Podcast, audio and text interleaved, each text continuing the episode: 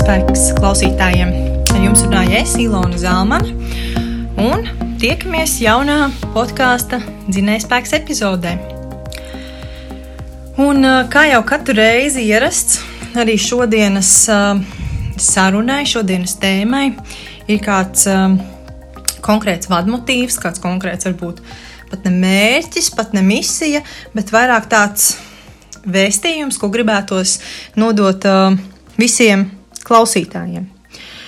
Un uh, šī tēma, manuprāt, ir ļoti aktuāla. Nu, protams, man arī nepārsteidz, kāpēc man tā šķiet, jo manā ikdienā uh, tas, tā šī tēma ieņem ļoti lielu lomu, bet tajā pat laikā tas ir kaut kas tāds, kas ir attiecināms uz pilnīgi ikvienu cilvēku, neatkarīgi no dzimuma, no vecuma, uh, no jebkādiem citiem kritērijiem. Un, um, jā, tad, ja man būtu jāsavalk tādā ļoti, ļoti īsā kopsavilkumā, kas ir tā galvenā ideja vai galvenā lieta, kas būtu jāpaņem no šīs sarunas, tad es teiktu, dzīvība ir kustībā.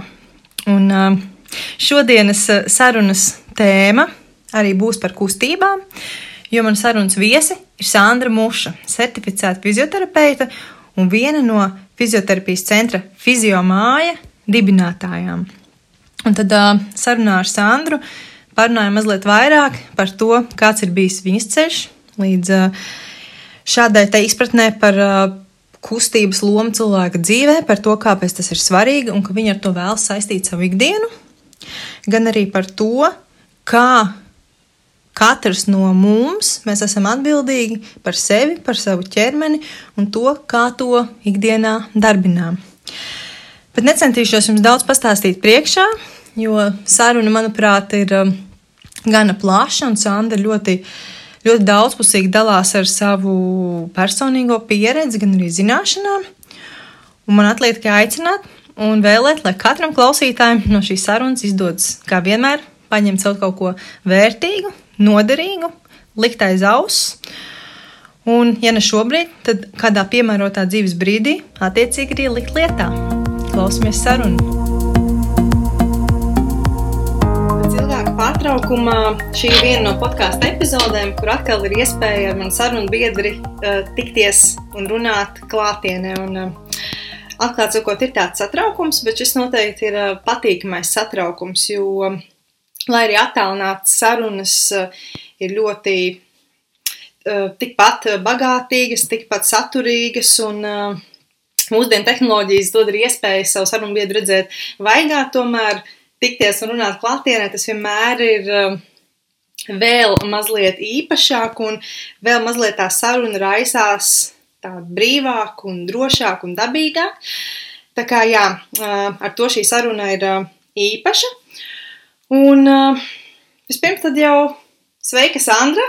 Sveika! Liels prieks, ka tev bija iespēja pievienoties uz sarunu, un tu esi gatava padalīties savā stāstā un savā pieredzē, par ko esmu vairāk kā pārliecināta, ka ļoti daudziem tā būs noderīga un vērtīga, visticamāk, arī praktiskiem uh, ieteikumiem pilna.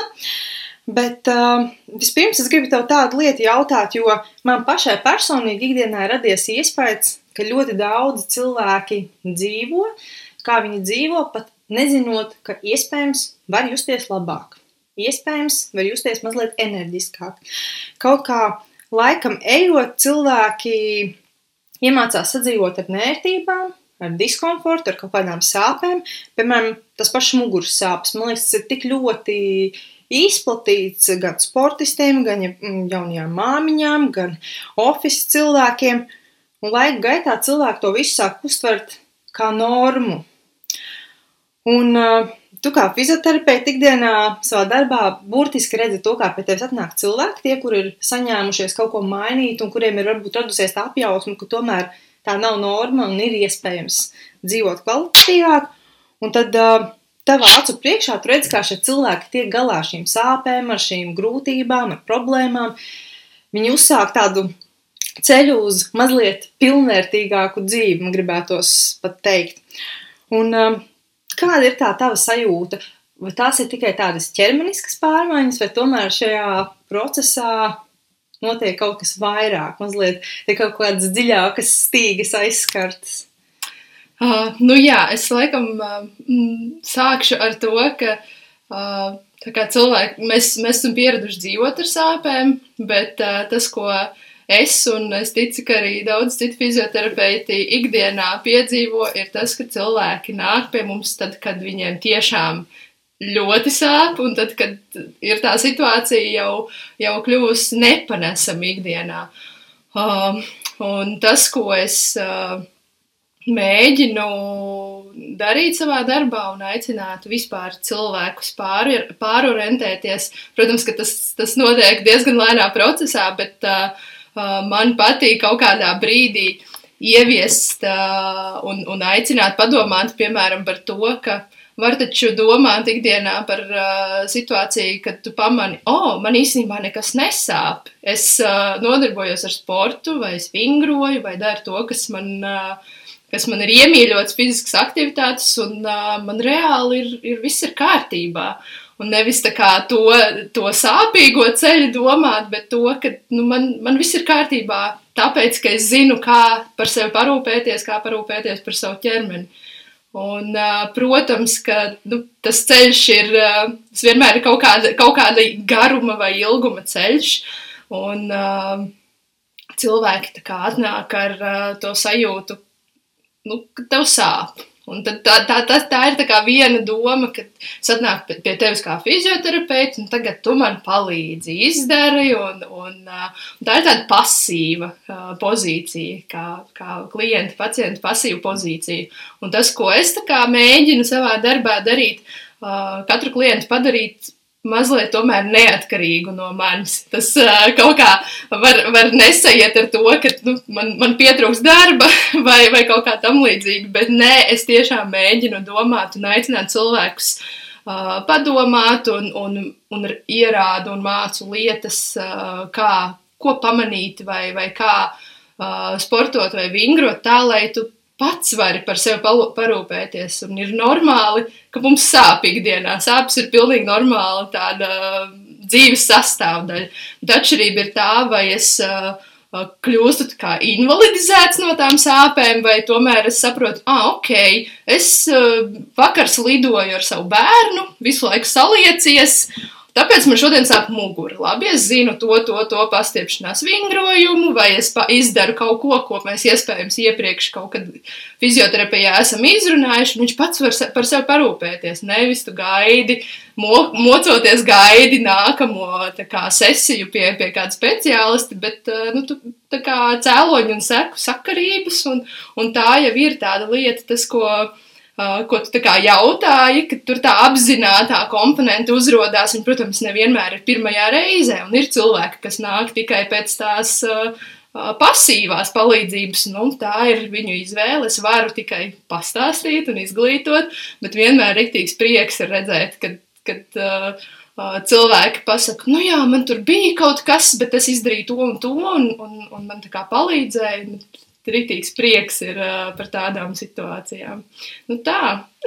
es tā domāju, bet kas ir tas iemesls, kāpēc tik bieži tomēr cilvēki atliek un nonāk līdz tam kritiskiem brīdim, ka tā jau vairs nav runa par profilaksi un iespēju izvairīties no kaut kādām nērtībām, bet ka tiešām, kad saka, atnāk cilvēks jau ar sāpēm. Jo, nu, es tā pēc sevis spriežu, es atceros, man pirmā tikšanās vispār vizīte pie fizioterapeita bija jau pirms daudziem, daudziem gadiem, kad vienā no pirmajām darba vietām tika piešķirta apdrošināšanas uh, polise. Un tur bija arī tāda iekļauta papildus um, iespēja apmeklēt uh, fizioterapeitu uz ārstnieciskajām masāžām. Tad, protams, likās, nu kāda tu šādu iespēju neizmantos. Un tas bija tas mans, kā, kā es vispār pirmo reizi uzzināju, kas tas fizioterapeits tāds ir, ko viņš dara un kādas ir tās iespējas. Bet, uh, tādam vidējam ikdienas cilvēkam, kā tev šķiet, pēc tā, ko tu redzi, kas ir tas um, galvenais stimuls vai motivācija, nu, ka tie cilvēki saņemās, atnāk beidzot, un kāpēc daudzi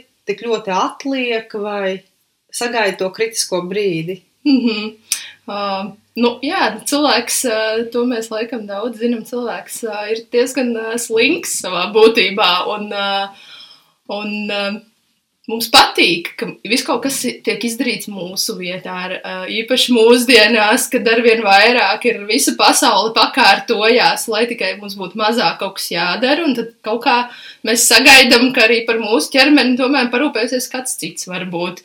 Un, jā, un tas, ko es ļoti bieži man nākas pateikt, nu jā, īsti neviens cits šo vai šo lietu tavā vietā neizdarīs. Tavus muskuļus neviens cits nenostiprinās vai, vai nedarīs attiecīgo lietu, kas katram vajadzīga. Nu, ir lietas, ko mēs paši tikai ar savu kustību, ar savu apzinātu darbību tikai varam izdarīt. Uh, bet par to pasīvo, jā, nu tas. Uh, protams, tas, ko tu teici par apdrošināšanu, ļoti bieži ir tādas situācijas, tad uh, atkal tas otrs Uh, otra lieta, ko es tādās, tā kā, nu, it kā tas sākums tāds pasīvs sākās, un es pieņemu, ir normāli, ka cilvēks ir kaut kādā konkrētā savas dzīves posmā, viņam vajag tikai to masāžu. Es pilnīgi varu saprast, ka tas ir tas, ka, ko viņš šajā brīdī spēja izdarīt priekš sevis, un tas jau ir apsveicami un forši. Bet es ļoti bieži mēdzu sākt pilināt. Nu, ka tev, jā, es varu tevi masēt, es varu masēt tev katru tur mēnesi, katru gadu iziet kursiņu, bet, nu, ja tu tomēr nedarīsi pats, nu, tad, tad nu, rēķinies, ka, ka kaut kādā brīdī tev atkal un atkal cikliski notiks tās, tās, tās sāpes un, un uh, kaut kādas uh, dzīves kvalitātes mazināšanās. Un, un tad kāds sadzird, un kāds reizēm nesadzird, un tas arī normāli, bet forši ir par tiem, kas, kas uh, izkā atnākuši pēc tās tipiski pēc masāžas, Un tad uh, forši, kad spēj tādu cilvēku, piemēram, uh, pierunāt, arī sakt vingrot un padomāt tīri par tādām fiziskām uh, izmaiņām savā dzīvē. Droši vien ļoti labi, ka tu to dari, un tad cilvēkiem par to runā, nevis tikai atnāc, viņš ko viņš paprasa, un viss, paldies, ar to arī viss beidzās, jo iespējams, tam cilvēkam tas tāds vienīgais kontakts, vienīgā iespēja uzzināt vairāk, varbūt visticamāk, nevis varbūt, bet šis cilvēks par to pat nav aizdomājies. Un tajā, ko tu teici, es tā, es, es saklausīju, ka svarīgi saprast, ka fizioterapeits tas nav kaut kāds maģiskais brīnum līdzeklis vai risinājums visām problēmām, bet lielā mērā ir jābūt pašam gatavam, pastāvīgam ilgtermiņa darbam ar sevi. Un fizioterapeits kaut kādā mērā, protams, arī iesaistās, bet vairāk ir kā tāds gids, kas virza uz pareizā ceļa. Kā? Jā, jā, tu ļoti, ļoti precīzi arī to, to vēlreiz pasvītroju. Tas arī ir tas, es, es zinu un, un redzu, ka ir daudz speciālisti, kas, kas nu, piedāvā šīs pasīvākas kaut kādas tehnikas vai, vai, vai nu, katrs strādā savā veidā, bet Nu jā, es, es laikam, tas tā ir mana tāda iekšējā sajūta, ka es gribu iedot cilvēkiem to stimulu, tomēr gan, gan atrast kaut kādu iekšēju motivāciju, nu, nezinu, cik es, cik es spēju būt iekšējais motivators, bet būt tas, tas mazais informācijas avots vai, vai tā uh, muguras smadzenēs iepilināt mazo domiņu, kas varbūt izaug. Un tad es bieži vien, jā, es, uh, es tā kā pasaku, un, un tas īstenībā tā ir tāda smalka lieta. Uh, kuram, kuram cilvēkam, kuram, kurā brīdī, ko tu vari pateikt, vai tas nebūs par daudz, un kā nolasīt to cilvēku tajā brīdī, ka, kādai informācijai vispār viņš ir gatavs. Tā arī ir tāda, nu, tāda forša spēle, un tad tu pamani, un, un kaut ko tu esi pateicis. Man ir tāda tāda frāze, ko es bieži vien izmantoju. Pārguli. Es tev pastāstīju pārguli ar šo informāciju, pārguli nakti, pārguli mēnesi. Padomā, vienkārši padomā. Un, uh, un forši, ka tādi cilvēki atgriežas. Un tad ir tas uh, uz, gribās uzsist pa plecu un pašai sev, ka, nu, ka ir sanācis tajā, tajā vai tajā reizē kaut kā uh, dot to, to tādu stimulu kādam. Sanāk, ka tavs darbs iekļauj nevis tikai tādu fizisku, ķermenisku terapiju, bet principā tev lielā mērā ir jābūt arī psiholoģijai, tev jāmēģina to cilvēku izprast un attiecīgi viņu virzīt kaut kādā vienā vai otrā virzienā. Ja? Nu jā, jā noteikti, noteikti ir jāpazīst cilvēki. Tu nevari tikai ar tukšu uh, izlasītu informāciju no grāmatas, uh, visus pēc kārtas sākt ārstēt vai, vai kaut ko. Uh, vienkārši ne, neskatoties kopējo ainu un, un, un dot, dot vai vingrojumus, vai dot kaut kādu informāciju. Kaut kā, jā, ir, ir bišķiņ jānolasa uh, cilvēks. Nu tā, tāda uh, izveidojās mm, tāda vairāk tā kā emocionāla kaut kāda piesaist un, un uh, Uh, jā, fizioterapeits, tur štai vārdā ir arī terapeits. to, tā, tā, tā, tā, tādi mēs esam. Un, un ir forši, ka tu redzi, ka ir, ir speciālisti, kuri, kuri tiešām arī līdzīgi kā es uh, mēģina strādāt, un, un tu pamani, kuram vajag. Uh, kuru vajag bišķiņa pastumt, un kur, kuram, kuram atkal ļaut pašam kaut ko, kaut ko ar sevi padzīvot arī ar uh, domu vai informāciju un, un pašam tik galā. Kā, jā, tur ir tādas smalkas, smalkas lietas. Es, es to tā saucu par tādām smalkām, smalkām pers personības kā, nolasīšanu. Nu tā.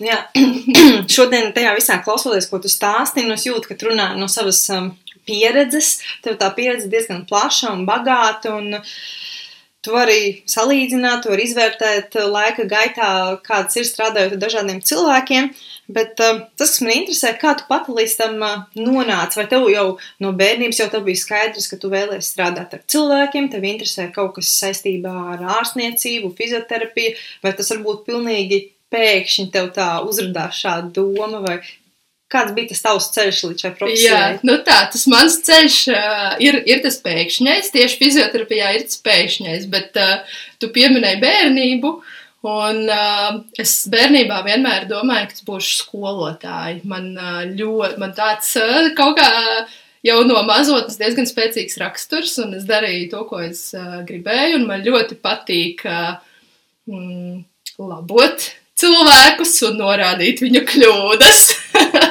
un tas ir kaut kas, ko iespējams skolotājs vai, vai uh, vēl viens sapnis bija bērnu dārza audzinātājs, kas bija ļoti maz. Tad man likās, ka es būšu bērnu dārza audzinātājs. Respektīvi, kaut kāds, kaut kāds jau darbs ar cilvēkiem un viņu mācīšanu, tas jau savā ziņā bija. Un, uh, Tā kā man vecāki īsti nespieda un nenovirzīja mani kaut kādā konkrētā virzienā, tad tas viss, ko es vispār darīju, uh, Uh, savā, esmu darījusi savā dzīvē, tas ir tādas iekšējas uh, vēlmes un sajūtas, un tad uh, pēc uh, vidusskolas es uh, pirmā izglītība, ko es ieguvu, bija kultūras uh, koledžā, deju skolotājs. Uh, tieši domāju, tieši koncentrēties uz tautas dejām, un mums bija tāds uh, pasniedzējs, uh, jā, priekšmets pedagoģiskā psiholoģija, un uh, pasniedzējs Edmunds Veizāns, un uh, viņš, viņam ir uh, deju skola, viņš ir uh, hip-hop dejotājs, tas bija, to es atceros, un doktors, pedagoģijas doktors, uh, ja es pareizi, pareizi tos atceros. Un es atceros, ka viņš stāstīja, Tas bija nesaistīts piemērs ar, ar kā veselību. Viņš stāstīja, ka nav īsti dejotājiem tāda ārsta, ka tu vari aiziet un pateikt, nu es šitā te uz galviņas griezos, un tad es nokritu uz pleciņu, un tagad man sāp tur un tur.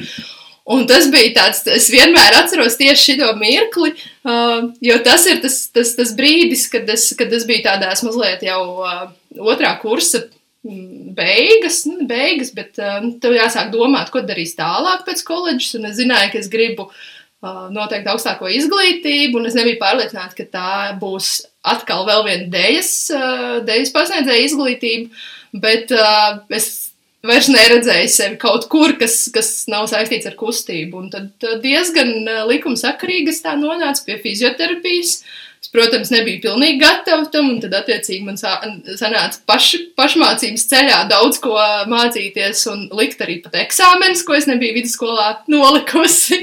Un, jā, un tāds ļoti, ļoti apzināts eh, personīgs tāds uh, izcīnīju, izcīnīju un tiku Stradiņu universitātē.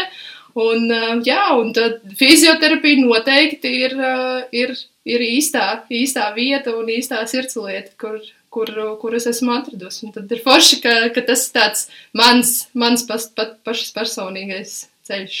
Kurā brīdī tev radās tā pārliecība, ka šis ir tas īstais? Tu jau, kad iestājies, jau kad sāki mācīties, vai tas tev kaut kur mācību procesā nāca tā pārliecība? Jā, nu, zin kā, jau, jau arī ar dēļu es atceros, ka tajā domājot, nu, dēļu skolotājs, tas arī ir kāds, kurš labo citu cilvēku kustības vai māca viņam pareizas kustības. Un man vienmēr ir tā bijis tā iekšējā sajūta, ka es ļoti labi nolasu citu cilvēku ķermeņus, ķermeņu valodu, un es redzu visas kļūdas, vienalga, vai tā ir tautas dēļa, vai klasiskā dēļa, vai tagad uh, vingrojumi, un, un jebkas, ko cilvēks dara fiziski, nu, fiziski ar savu ķermeni. Es uzreiz jau kaut kā, es varbūt nevaru pirmajā mirklī noteikt, tur pareizo muskuli nosaukt viņu nosaukumu, tur latīniski, latviski, bet es uzreiz jau jūtu, kas ir tā lieta, kas pietrūkst vai ko vajag izmainīt, Un, nu, tāda iekšēji ir diezgan spēcīga sajūta. Nu, un, uh, un tā kā es smējos, ka šobrīd cilvēki nāk pie manis un, un maksā par to, kas viņiem piesienos. es piesienos pie tā, kā viņi kustās. Un tas ir, jā, sapņu piepildījums skolotāji, kurai patīk labot citus, citus cilvēkus, un tas ir mans darbs. tas. Tik interesanti klausīties to, kā tiešām viss tās tavas intereses un vēlmes jau no paša bērnības, kas ir bijušas kaut kā ir laika gaitā apā izaugušas, mazliet kļuvušas konkrētākas, bet atradušas to savu īsto virzienu, to īsto ceļu, kā to ieviest savā ikdienā, un ka, principā, tavs darbs ir tavs hobijs, tavs sirdslieta un viss vienā. Bet, kas man interesē, kā ar to deju ir, vai de, ar deju kā deju skolotāju, vai tu vispār esi kādā brīdī strādājis, un tas ir bijis kaut kāda daļa no tavas uh, dzīves, vai varbūt deja kaut kā citādā veidā ir tavā ikdienā, vai pastāst varbūt par to kaut ko. Nu jā, tautas dēļas es dejoju no trīs gadu vecuma. Vienīgās pauzes, ko, kad es nedejoju, bija grūtniecība un pēc agrīnais pēcdzemdību periods.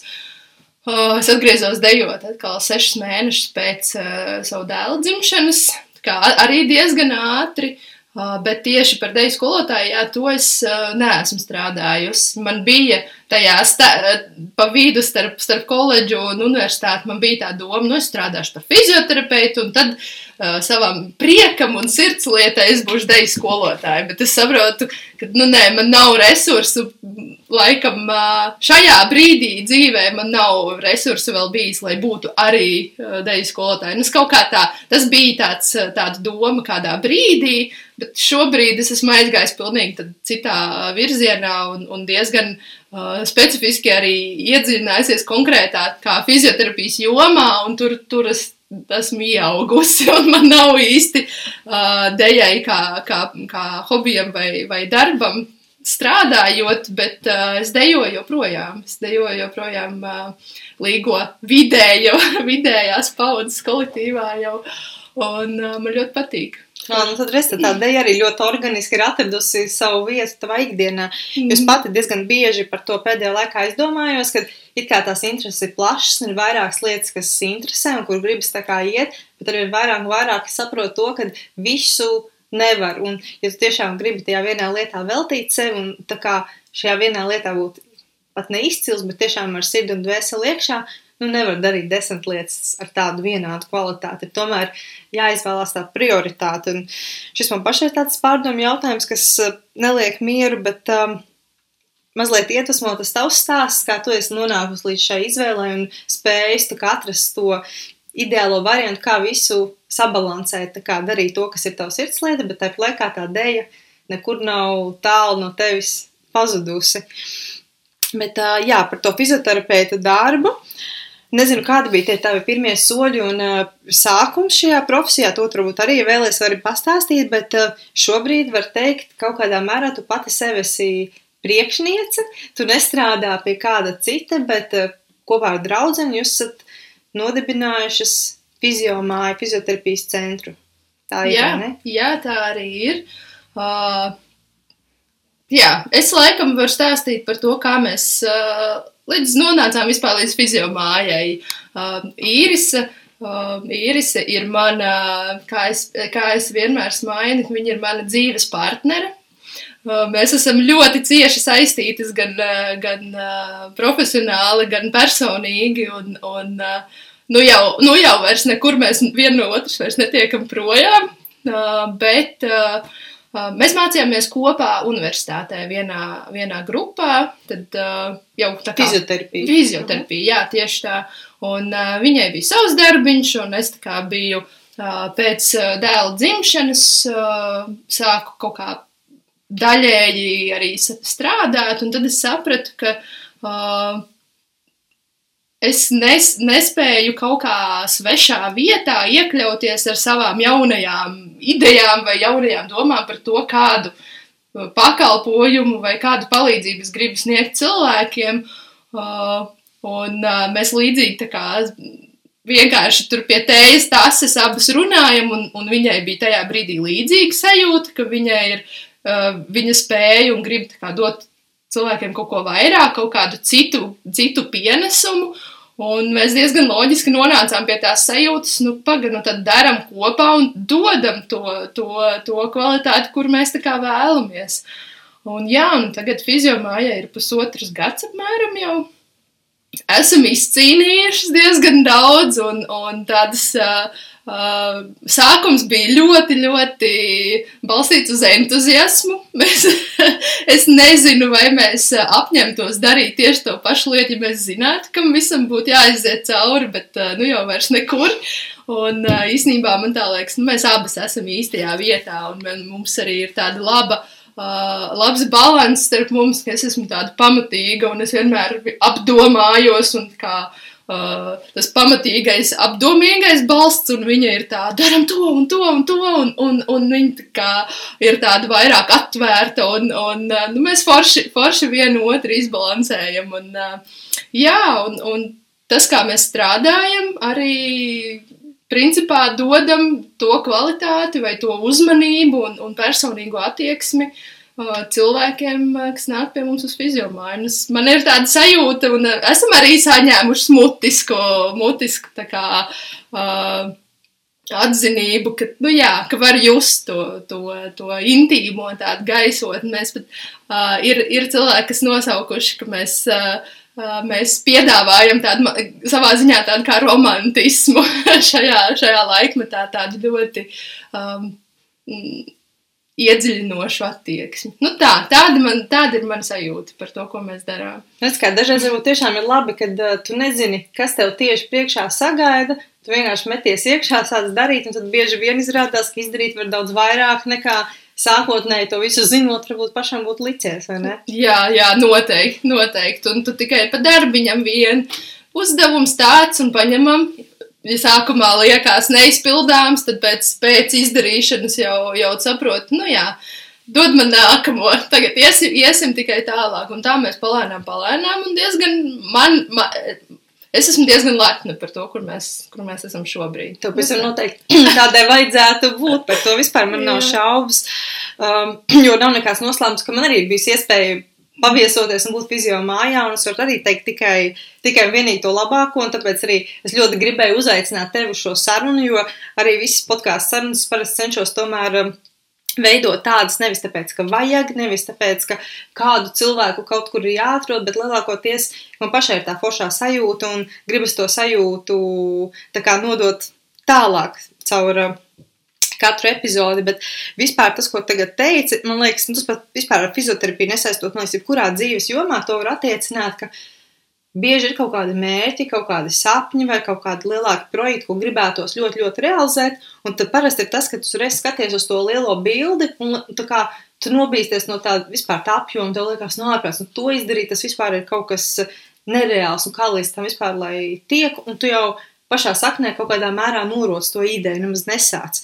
Bet tiklīdz, ko es arī pats pārliecinājusies, tiklīdz tu sāc tā sadalīt mazākos posmos, ok, kas man jāizdara šomēnes, vai šonadēļ, vai šodien, kaut kā mazi, mazi soļi, un tu sāc darīt, un tu aiziet tā kā tāda lavīna, lavīnas bumba, kad tu saproti, cik daudz tu īstenībā vari, un tu dari, un beigās tu pat nepamani, ka tā lielā lieta, kas sākumā šķita tik tālu, varbūt vai tik nereāla, pēkšņi ir tapusi pavisam reāla, un pasties fiziomājai jau pusotrs gads, kā tu teici. Jā, jā, tieši tā. Atskaties atpakaļ, un tur tas lielais kalns uh, pilnīgi mierīgi pievārēts. Bet pastāsti, kāpēc fiziomāja varbūt ir kāds uh, stāsts vai doma, ko tas sevi hmm. ietver, kas ir fiziomāja? Jo tu teici arī, ka jūs gribat, gribējāt būt tāds atšķirīgs un iedot vairāk, un ko tas sevi ietver? Oh, nu tas jau bija sen, kad mēs par šo domājām. Tieši par, par, par, jā, par pašu nosaukumu. Es biju tā, kas, kas beigu galā nonāca. Mēs, protams, spēlējāmies ar visu kaut ko. Uh, nu, māja ir, ir tāda mīļa vieta, kur, kur vienmēr ir forši atgriezties. Mājās ir gaidīts jebkurš. Un uh, mājās tu vari, pie, uz mājām var atnākt jebkurš. Mazs, liels, jauns, vecs, ar vienalga kādu vajadzību. Nu, tāda, vairāk tāda, tāda sajūta, laikam, jā, ka tu esi gaidīts un, un jā, jebkurš ir gaidīts. Nu, tā. Tad, ņemot vērā, ka cekur atnāk gan maz, gan liels, gan jauns, gan vecs, tad droši vien katram šim, šim cilvēkam, šim kā, cilvēka tipam noteikti ir savas vajadzības, savas kaut kādas problēmas. tad, principā, fizioterapija sev ietver ļoti daudz ko. Turbūt var īsāk, īsumā pastāstīt, varbūt ne tik ļoti īsi, nu, kā tev pašai gribās, kas tad īsti ir fizioterapija, tīri no tāda praktiskā viedokļa, ko var sagaidīt no fizioterapeita, un kādās problēmās var doties pie fizioterapeita, meklēt risinājumu, tā, lai cilvēkiem, kas varbūt nav bijuši pie fizioterapeita, vai tā saskarsme ir bijusi diezgan maza, lai iedot to izpratni, kas tad īsti ir tas fizioterapeits. Mm -hmm. Uh, nu jā, uh, es laikam uzreiz pirma, pirmā lieta, ko es varu pateikt, ir fizioterapija derēs jebkuram, jebkurā slimības vai veselības uh, posmā.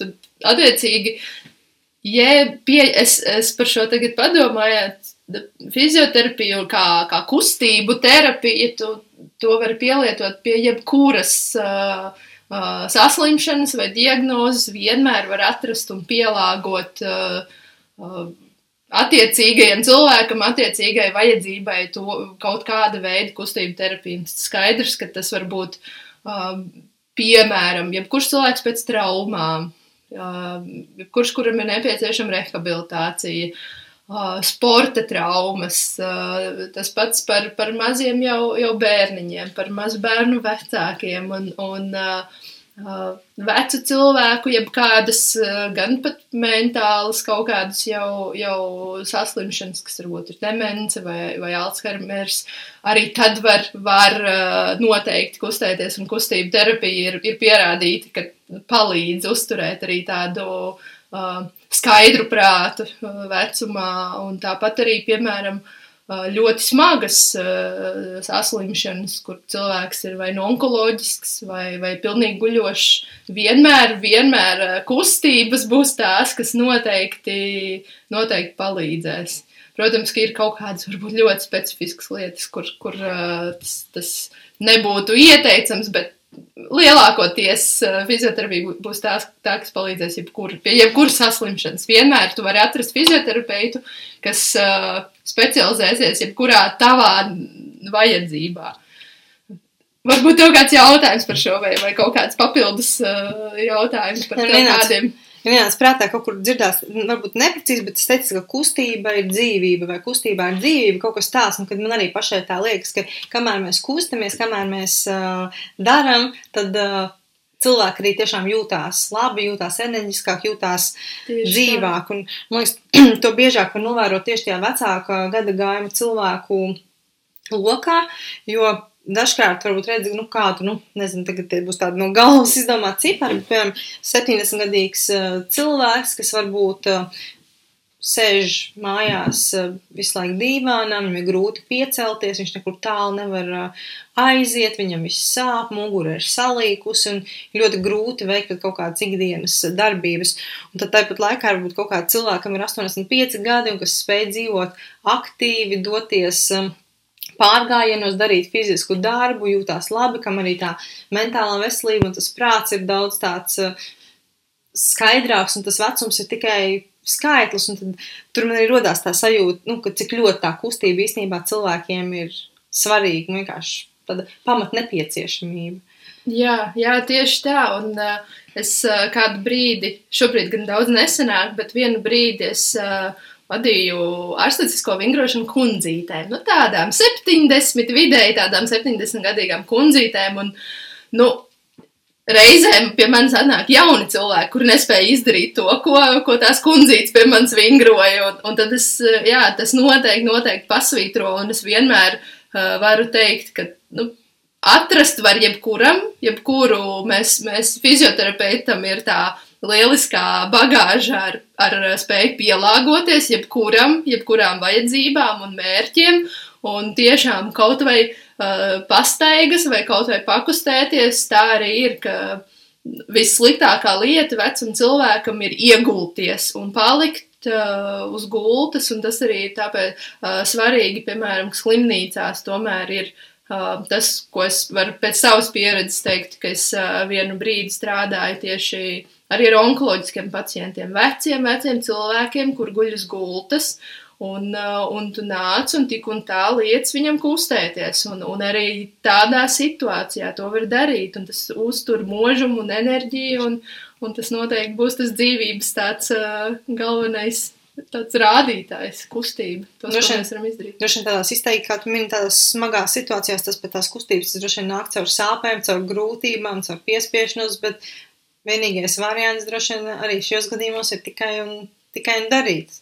Nu, jā, protams, ka uh, mēs pielāgojam, uh, pielāgojam, bet uh, uh, mm, pielāgojamies tieši tam cilvēkam, kas viņam ir, kādas viņam ir vajadzības, vai kāds, kāds ir tas mērķis konkrētajam cilvēkam. Un, jā, protams, ka mēs nespiežam cauri uh, ārkārtīgām sāpēm, bet uh, saprotot to, ka tā roku un kāju pakustināšana būs daudz vērtīgāka nekā tā mirkļa, varbūt maza, mazs kaut kāds diskomforts. Un tad te atkal ir tā smalkā, smalkā nolasīšana, cik daudz kuru cilvēku vajag pastumt un kur, kuram tomēr likt bišķiņu piebremzēties. Tā tas tāds arī. Jā, tad tie veci cilvēki, kā, vai arī kaut kādu slimību māk, tas ir viens stāsts, bet tas, kas man pašai personīgi arī, kā, nu, aktīvs sportotājs, arī no treneris tādas perspektīvas, tas, ko es novēroju, ka bieži vien ļoti jauni cilvēki, es negribētu teikt nevarīgi, bet viņu tās spējas dotajā brīdī ir krietni vien mazākas nekā atbilstoši viņu vecumam, viņa veselības stāvoklim tās varētu būt. Un kaut kādā mērā cilvēki paši ir iekrituši kaut kādā tādā mazkustības, um, mazkustības nezinu, aburtajā lokā, ka tu tur esi jo dziļāk iekšā, jo grūtāk no tā ir tikt vispār ārā. Un tāpēc, jā, es par tādu, par to sporta daļu gribētu arī ar tevi parunāt, un es zinu, ka fizioterapeitiem vispār nepatīk, ka salīdzina fizioterapiju ar sportu kā tādu un treniņiem, jo tas tomēr ir divas dažādas lietas, katrai ir sava loma un sava nozīme īstajā laikā un īstajā brīdī, bet tad uh, varbūt var no savas puses īsumā pastāstīt, kas ir tās būtiskākās nianses vai tā specifika, ar ko atšķiras, kā saki, ir vingrošana pie fizioterapeita un vingrošana, kur tu vari vingrot mājās, tu vari iet uz sporta zāli pie privātā trenera vai patstāvīgi. Kas ir tās galvenās lietas vai nianses, kas atšķirsies? Oh, hmm. Nu, atšķirības uh, grūti pateikt tagad no sākuma. Es laikam uh, gribu sākt ar to, ka ir uh, svarīgs tas mērķis, ar, nu, ar ko cilvēks atnāk, vai, vai pie tā paša trenera vai, vai fizioterapeita. Un, uh, un ir uh, vispārīga veselības uzturēšana, un, un ka tev it, it kā nav nekādas konkrētas, tur nepieciešama konkrēta rehabilitācija kaut kādai traumai vai kaut kādam konkrētam specifiskam mērķim, bet vispārīga vingrošana. Uh, un tad atkal var izdalīt to, ka, ka kādam nepieciešams kaut kas ļoti specifisks, vai tas ir uh, rehabilitācija pēc traumas, vai tikpat labi. Uh, sportistam uzlabot kaut kādu viņa sportisko, sportiskos mērķus vai sportiskos rādītājus. Uh, un tad gan vienu, gan otru tu kā var darīt gan pie fizioterapeita, gan pie trenera. Um, tas salīdzinājums ir. Es, es noteikti negribu, es tagad tā bišķiņā iepauzēju savu prātā. Negribās. Uh, Mm, Es, ļu- es, es ticu, ka ir daudz treneri, kas arī pamana kaut kādas nianses un pievērš kaut kam specifiskam uzmanību, uh, specifiskām lietām. Bet, uh, jā, runājot par tiem cilvēkiem, ko, kā, kā tu teici, jauni cilvēki ar, ar maskustīgumu, reizēm tāda vispārīgā mūsdienu tā, tā informācija, kas notiekās, mēs ejam, daram, cīnamies rīktīgi par pilnu programmu, un tad arī tie uh, it kā nevarīgie cilvēki, viņi tā kā vai nu paši iemetās tādā pēkšņā motivācijas uzplūdumā, iemetās kādā treniņā vai pie kāda trenera, vai, vai treneris ir ļoti entuziastisks, vai tā ir grupa, vai, vai, vai tam līdzīgi. Un tad tā būtu, var, varbūt tā būtu tā atšķirība, ka Fizioterapeits noteikti nekad nemetīsies ar pilnu programmu tādu jaudu uh, virsū cilvēkam, kas pie viņa ir atnācis. Mēs vairāk skatāmies tomēr un aicinam uh, padomāt par to pakāpeniskumu. Skaidrs, ka mums ir mērķi, mēs vienmēr noskaidrojam specifiskos kā, vajadzības vai vēlmes, un, un es noteikti esmu par to, ka mēs vienmēr gribam sasniegt to mērķi, un es ļoti reti saku, nē, šito tu nekad nevarēsi darīt. Vai uh, jebkuram cilvēkam ļoti bieži ir, ir tu vari saņemt kritisku tādu uh, viedokli, ka, nu, nē, neceri uz kaut ko tādu, jo tu neesi to darījis, vai, vai tam līdzīgi. Nu, ne, tā kā tev tas uh, treneris vai, vai fizioterapeits nostāda faktu priekšā. Nu, tas, mēs tagad darīsim šo vieglo vingrošanu vai, vai vieglos treniņus, un, un tu vari nedomāt par tādiem kaut kādiem augstākiem mērķiem. Uh, tad jā, tas, tas uh, noteikti vienmēr var sasniegt savus mērķus, bet uh, tieši tā dozēšana un pakāpeniskums būtu tas, ko, uz, ko es, uz ko es skatītos laikam. Vairāk.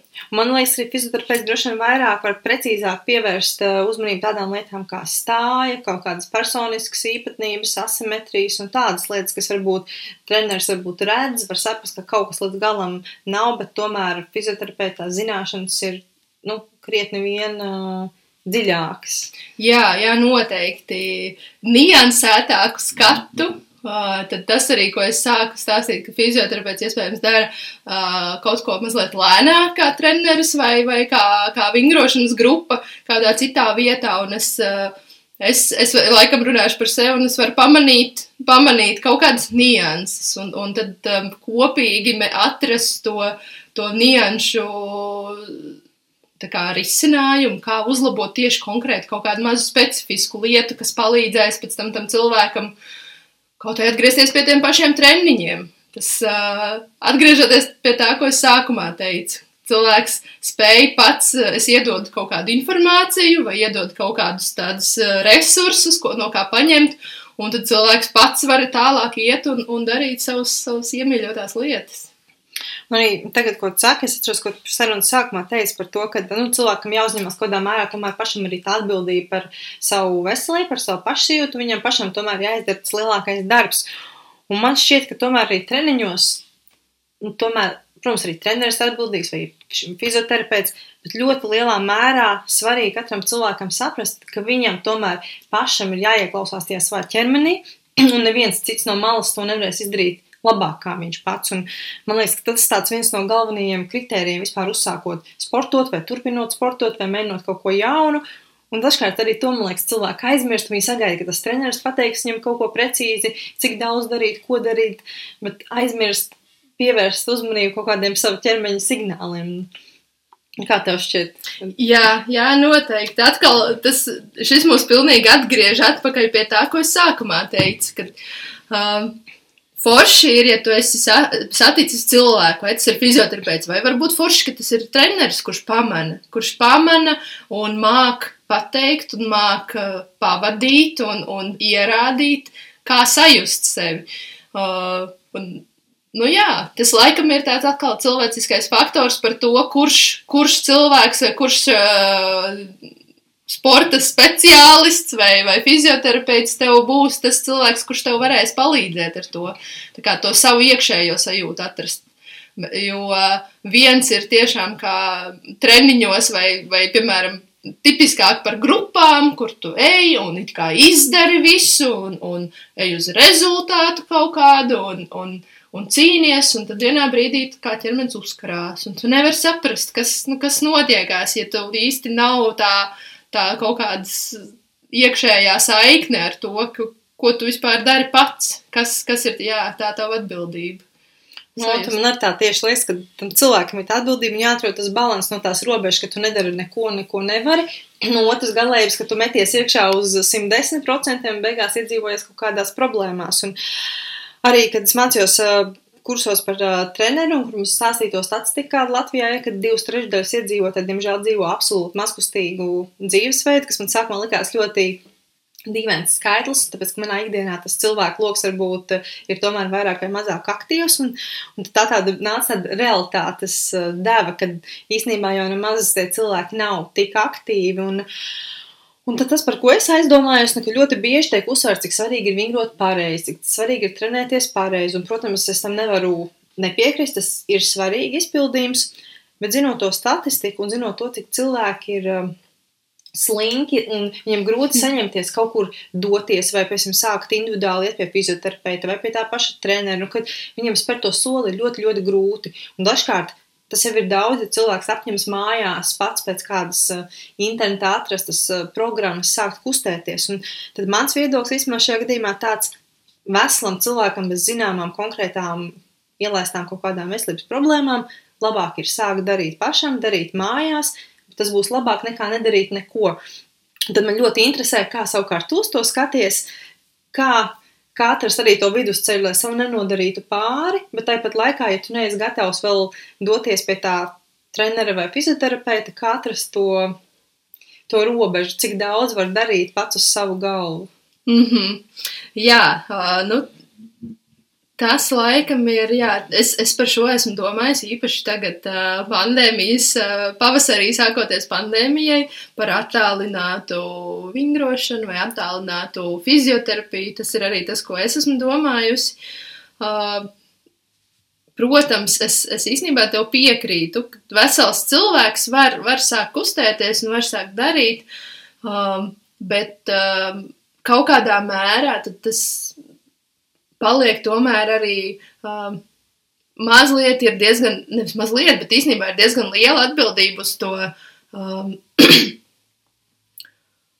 vingrojumu kā ierādītāju, respektīvi, vai tas ir treneris vai, vai varbūt fizioterapeits uh, tiešsaistē vai, vai izveido kaut kādas vingrojuma programmas, kā paskaidrot gan, gan vingrojumu izpildi vai, vai tu mēģini pēc, pēc labākās sirdsapziņas uh, paskaidrot, kā tieši kā konkrētās lietas uh, ir jāpilda, kādai ir jābūt sajūtai, kādai sajūtai nevajadzētu būt, kā iepazīstināt ar to tieši sajūtu vingrojumu laikā, uh, bet arī ik pa laikam vai, vai pat katru reizi atgādināt, ja tu jūti to, to vai to, tad uh, griezies pie speciālista vai, vai, vai tomēr meklē individuālu kā, palīdzību dzīvē, kas noteikti, noteikti arī būs vērtīgi.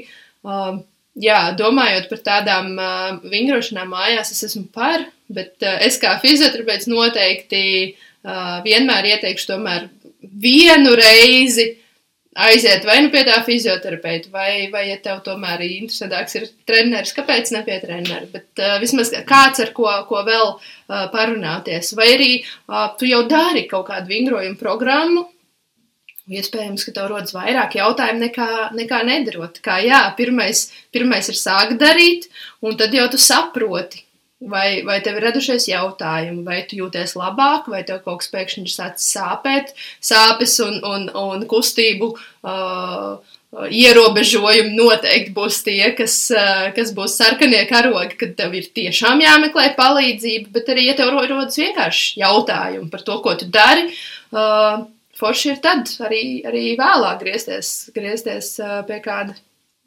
pēc kā profesionālas palīdzības.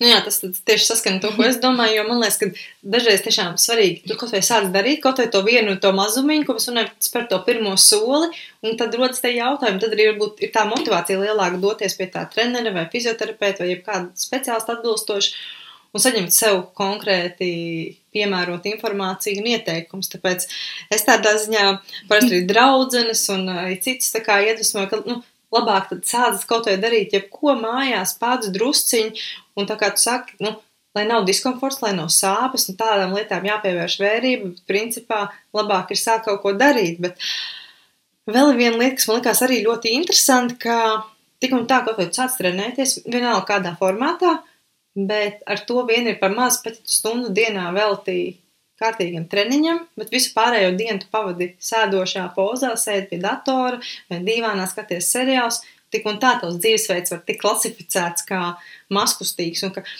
tur pat tā proporcija varbūt nebija tā izteikti izdalīta, bet kad, nu, teiksim tā, gan vienlīdz svarīgi, gan svarīgāk ir tās ikdienas kustības. Tie noieties soļi, tie paši banālie, ko visi skaita, un tie desmit tūkstoši vai cik tur skaitās tā ieteicamā deva vai jebkuras ikdienas kustības mājās rosoties vai kaut ko darot. Un, Un kā tev šķiet, ka, vai tu vari kaut kādu proporciju izdalīt, kas ir svarīgāk, vai kas būtu tas pamats, vai kā atrast to līdzsvaru starp tādiem mērķiecīgiem plānotiem treniņiem un tādu ikdienas kaut vai kārtīgi pastaigu? Oh, jā, nu, proporcija grūti pateikt. Tas, laikam, arī būs, būs diezgan individuāli, kur, kur ir tā proporcija. Mēs varam pārgurt, pārmērīgi darot gan vienu, gan otru.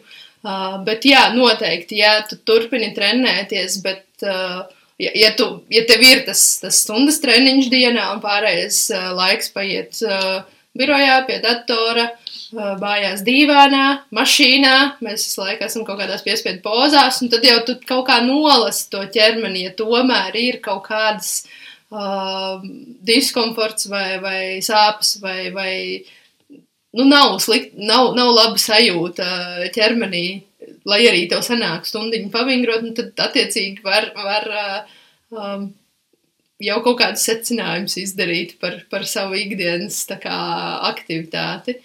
Bet tā tīri sadalīt, cik proporcionāli es laikam neņemšos uh, sadalīt. Tas tāda iekšējā sajūta, tīri no, no tavas ikdienas, jo es, es, es redzu personīgi savu to sajūtu, ka nu, es esmu kustībā visu dienu, un es labprāt uh, atguļos mājās un, un uh, brīvdienās vienu dienu pavadu aktīvi, un otru diezgan mierīgi. Uh, Pie, pie, pie vietas, nu, attiecīgi, uh, tomēr atrast to kaut kādu balansu mieram, mieram un, un, un atjaunošanai un, un kaut kādai um, neiedzīvošanai pārslodzē arī. Nu jā, tas vairāk ir, ir tāds aktīvs cilvēku laikam skatu punkts, tas manējais. Uh, bet uh, par, par soļiem runājot un aktivitāti forši ir uh, mūsdienu, mūsdienu tādas uh, iespējas sevi kaut kādā mērā monitorēt, un uh, es par to esmu domājusi, ko nozīmē visādas aplikācijas, sportiskās un izaicinājumi, un, un soļu skaitīšanas, un pulksteņi, un telefoni, un viss kaut kas, kas, ko mēs varam ikdienā izmantot. Un es saku, lūdzu, aiziet, daram, savāciet tās mazās dienas normas.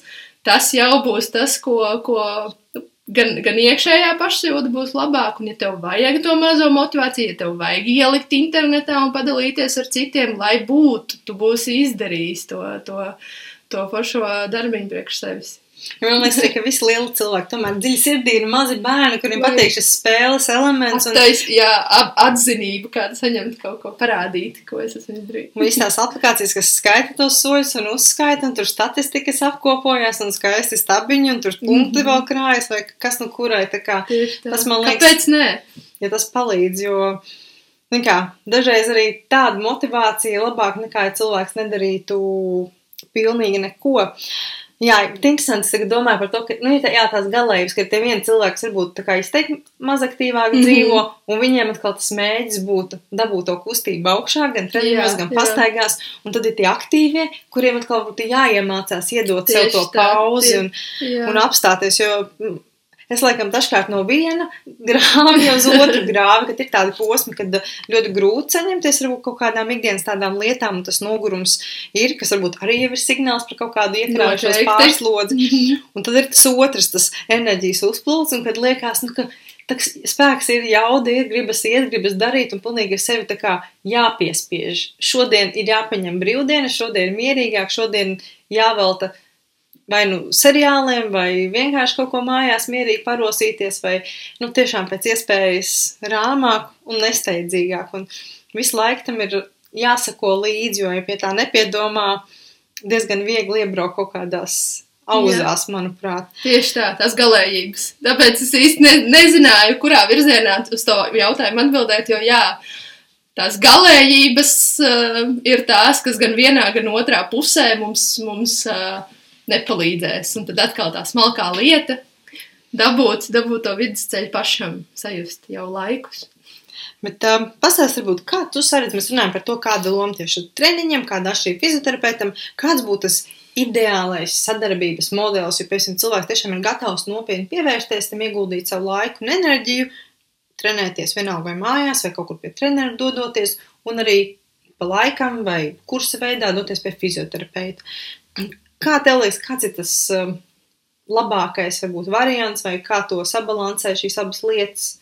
kā viņas vienu otru var papildināt? Hm.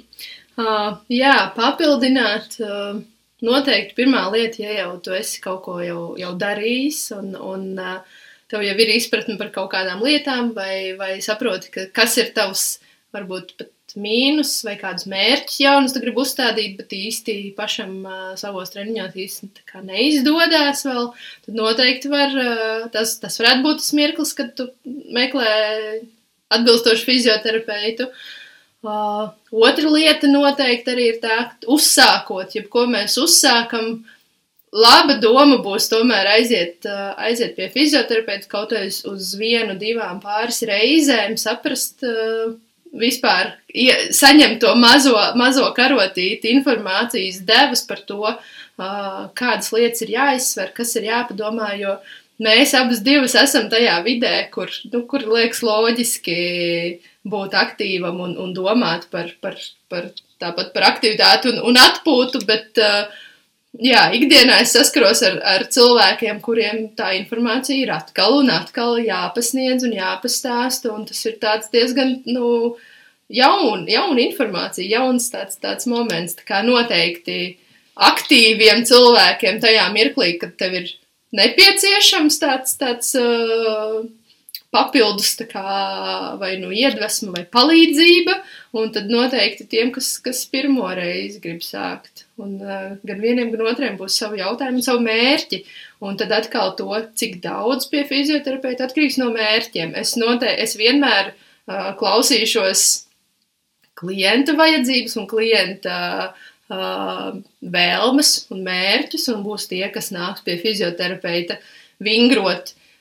Vienkārši uzturēt, un fizioterapeits ir vienīgais, uh, pie kā viņš vingro un, un uztur sev fiziskā formā, un tad tur būs mums vien, viena veida kā, mērķis, vispārējā kā veselības nu, uz, uzturēšana, un tad atkal ir tie, kas ar tām specifiskajām uh, atnāk, un iespējams tā, tā ir viena vai, vai piecas vai desmit reizes jā, pēc, pēc tam tieši individuālām vajadzībām noteikti es, es uh, vairāk skatītos pēc katra personīgi.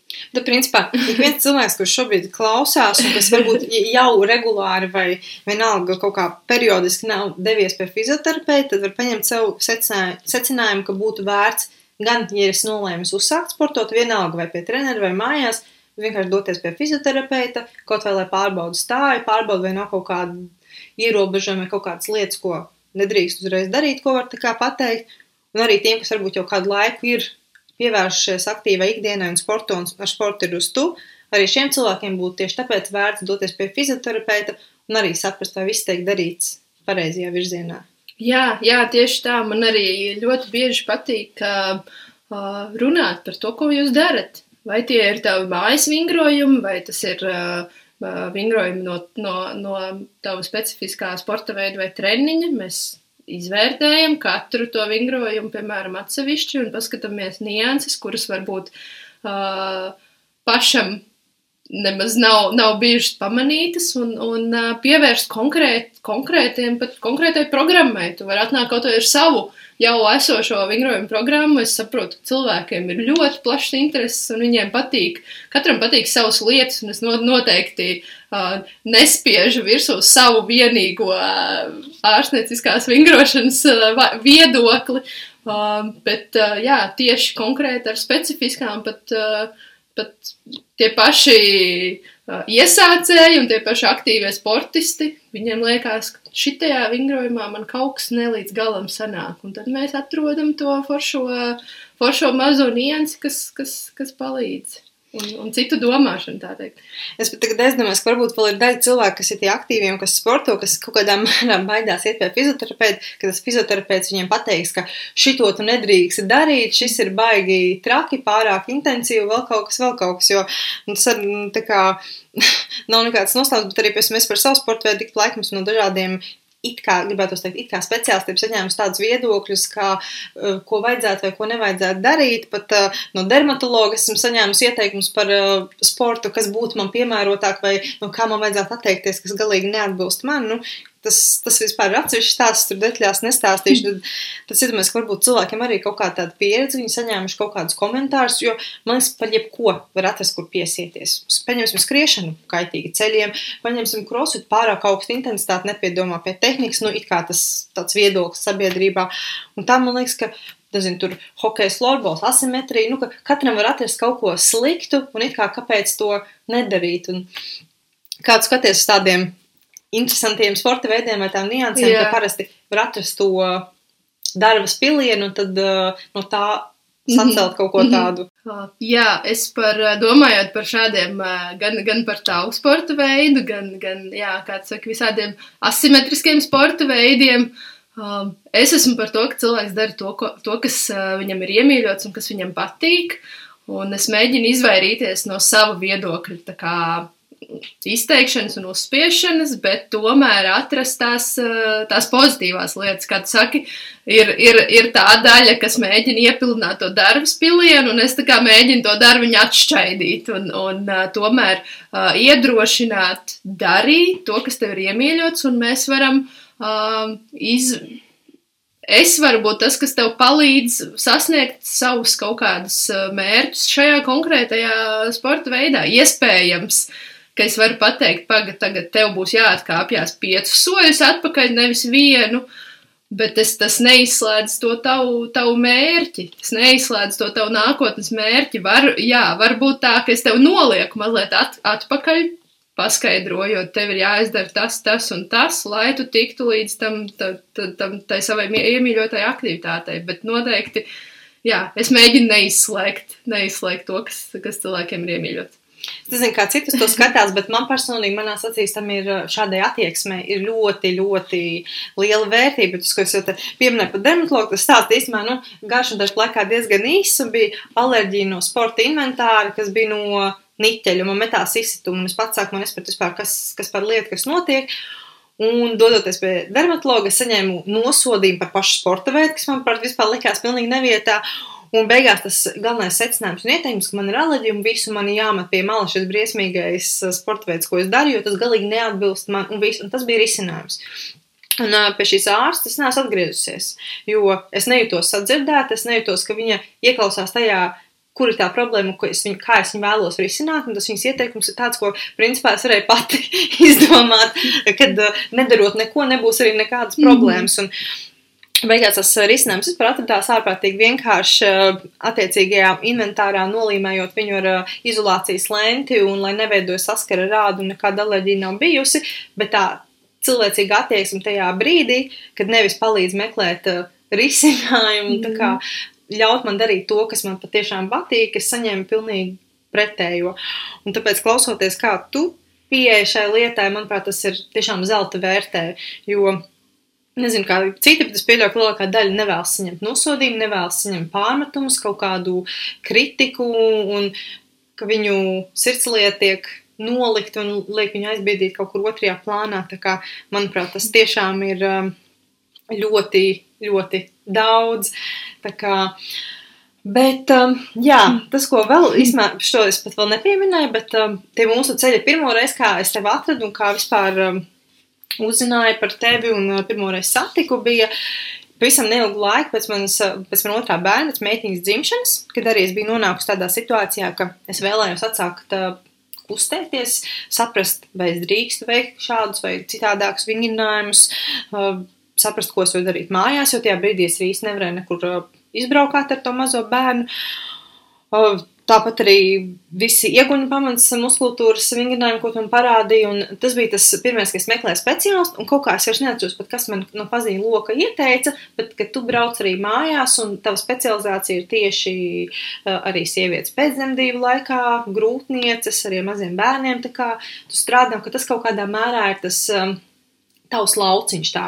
Tā varētu teikt, vai? Jā, jā tas, tas noteikti ir, ir mana tāda īstā, mana īstā vieta un sirdslieta, jā.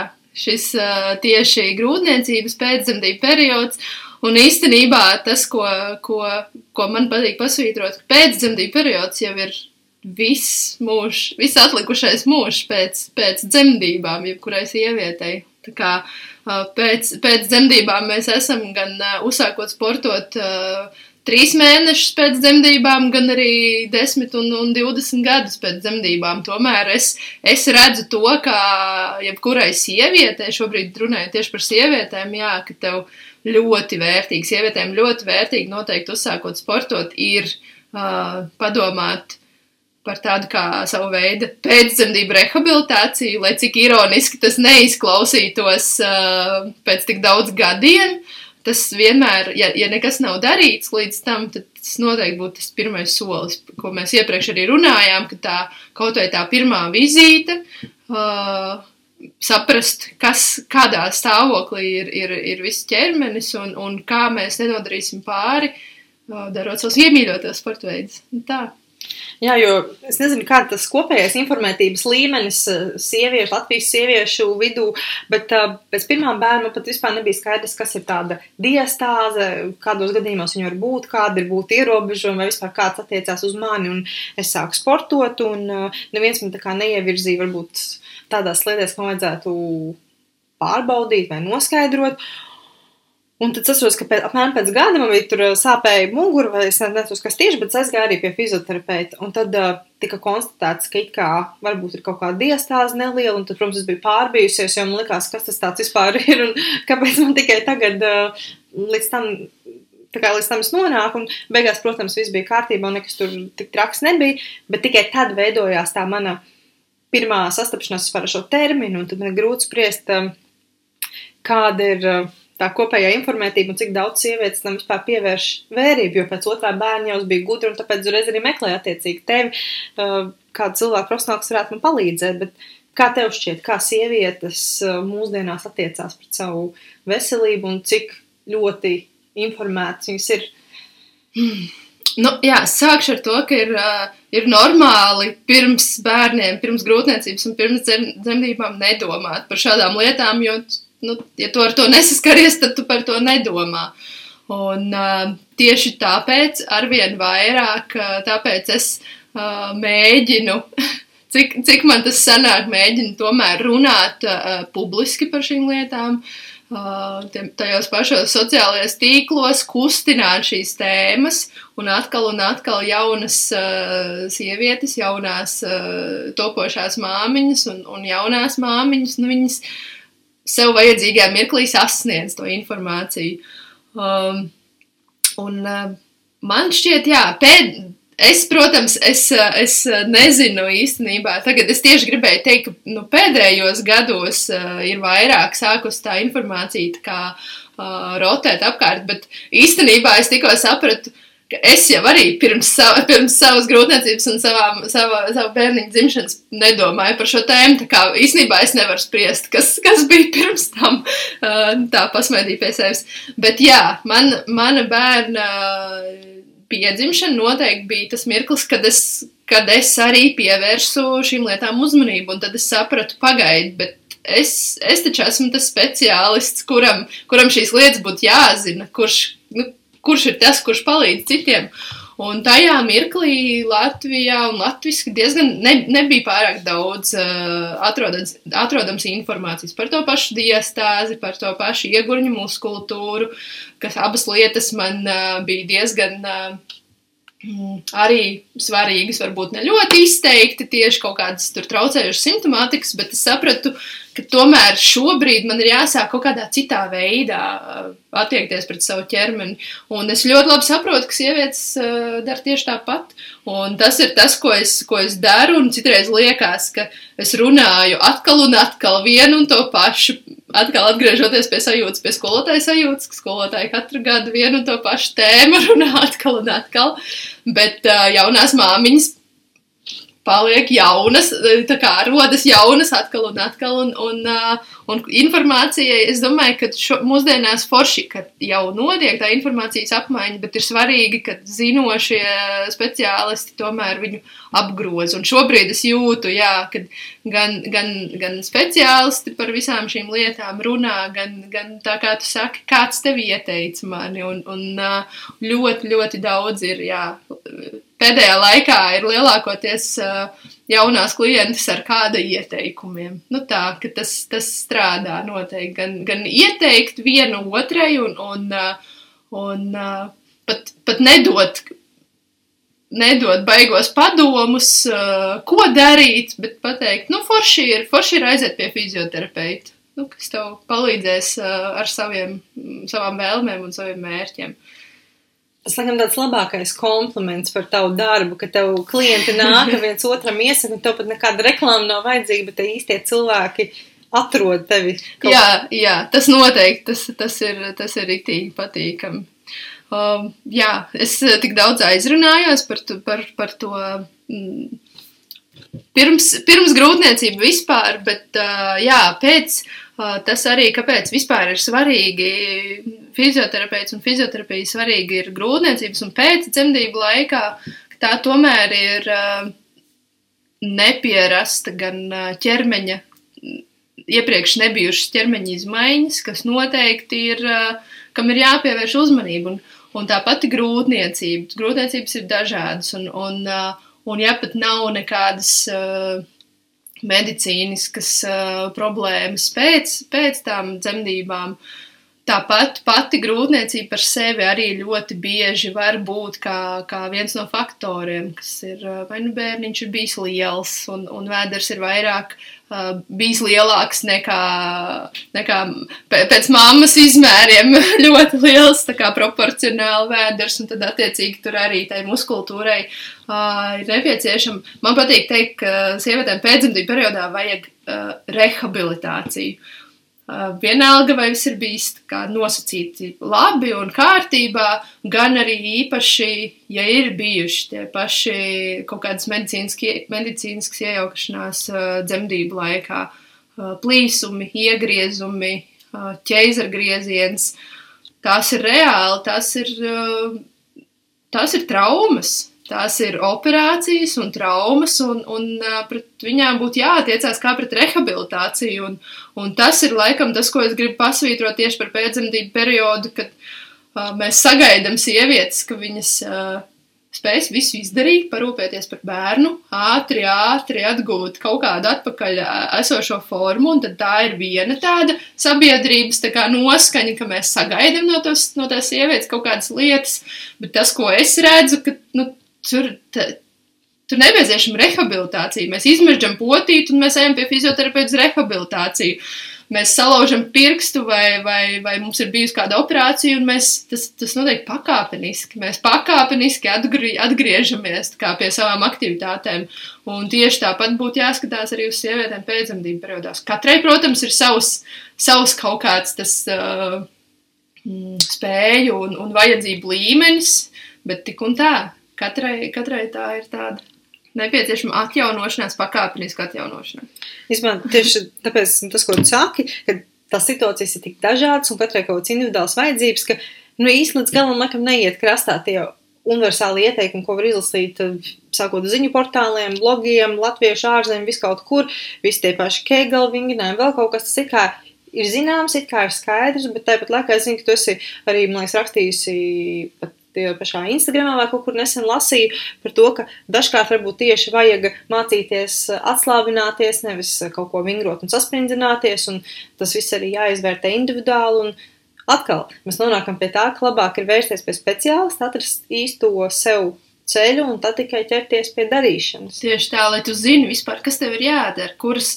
uh, jā, tā arī ir, par, piemēram, par to, par to pašu diestās, nu, lielākai daļai un diezgan lielam vairumam derēs tie vingrojumi, kas varbūt atrodam kaut kur internetā.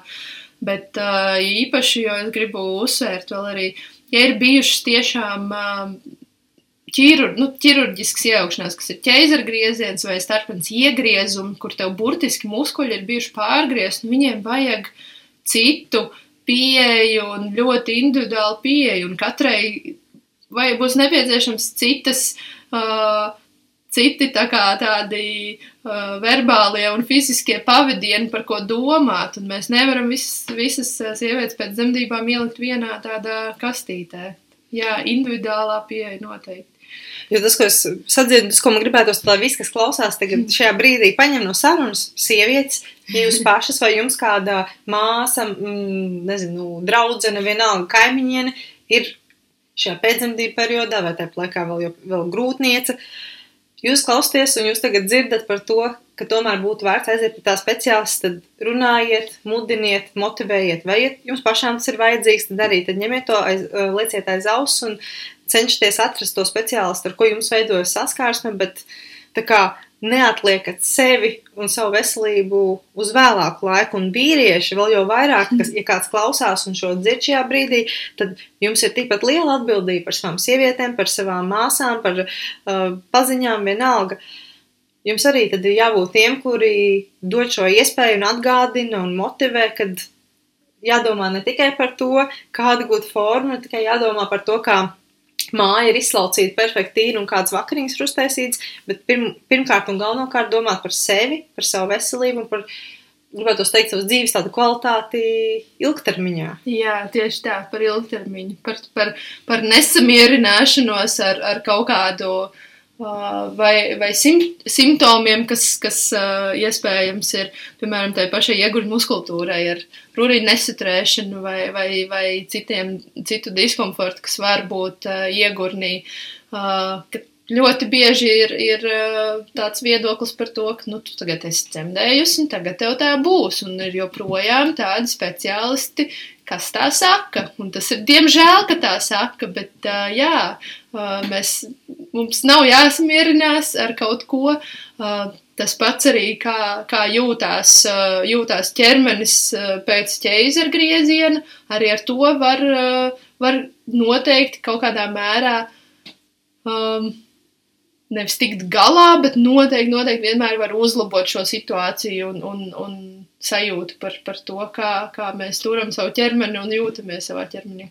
Mums atkal atgriežamies pie tā, ar ko mēs sākām sarunu, par to, ka cilvēki dažkārt dzīvo kā dzīvo, pieņemdami, ka tā ir norma, un viņi pat Jā. neiedomājas, ka daudzas problēmas ir, ir risināmas, viņas var un vajag risināt, un ir iespējams tiešām dzīvot daudz labāk. Un to man arī gribētos, lai cilvēki izkonspektē sev kaut kur prāti, kaut kādos nostūros un atcerās, ka nevajag samierināties ar kaut kādām problēmām, ar kaut kādām nērtībām, ar sāpēm un domāt, ka dzīve ir paredzēta, lai tā viņu arī pavadītu. Un vienkārši jāsaņemās, jāspēr pirmais solis un jāmēģina kaut kā tās lietas risināt. Un tas, man liekas, vispār attiecās gan uz eh, fiziskām kaut kādām lietām, gan uz kaut kādām emocionālām problēmām, gan īstenībā uz jebko to, to domu var attiecināt. Bet, uh, jā, mēs tā tik daudz ko esam plaši izrunājuši. un, uh, kā jau teicu, mēs atgriežamies beigās, mēs atgriežamies mm -hmm. pie tā paša, ar ko mēs vispār īstenībā sākām, pie tā secinājuma, tā paša nonākam. Un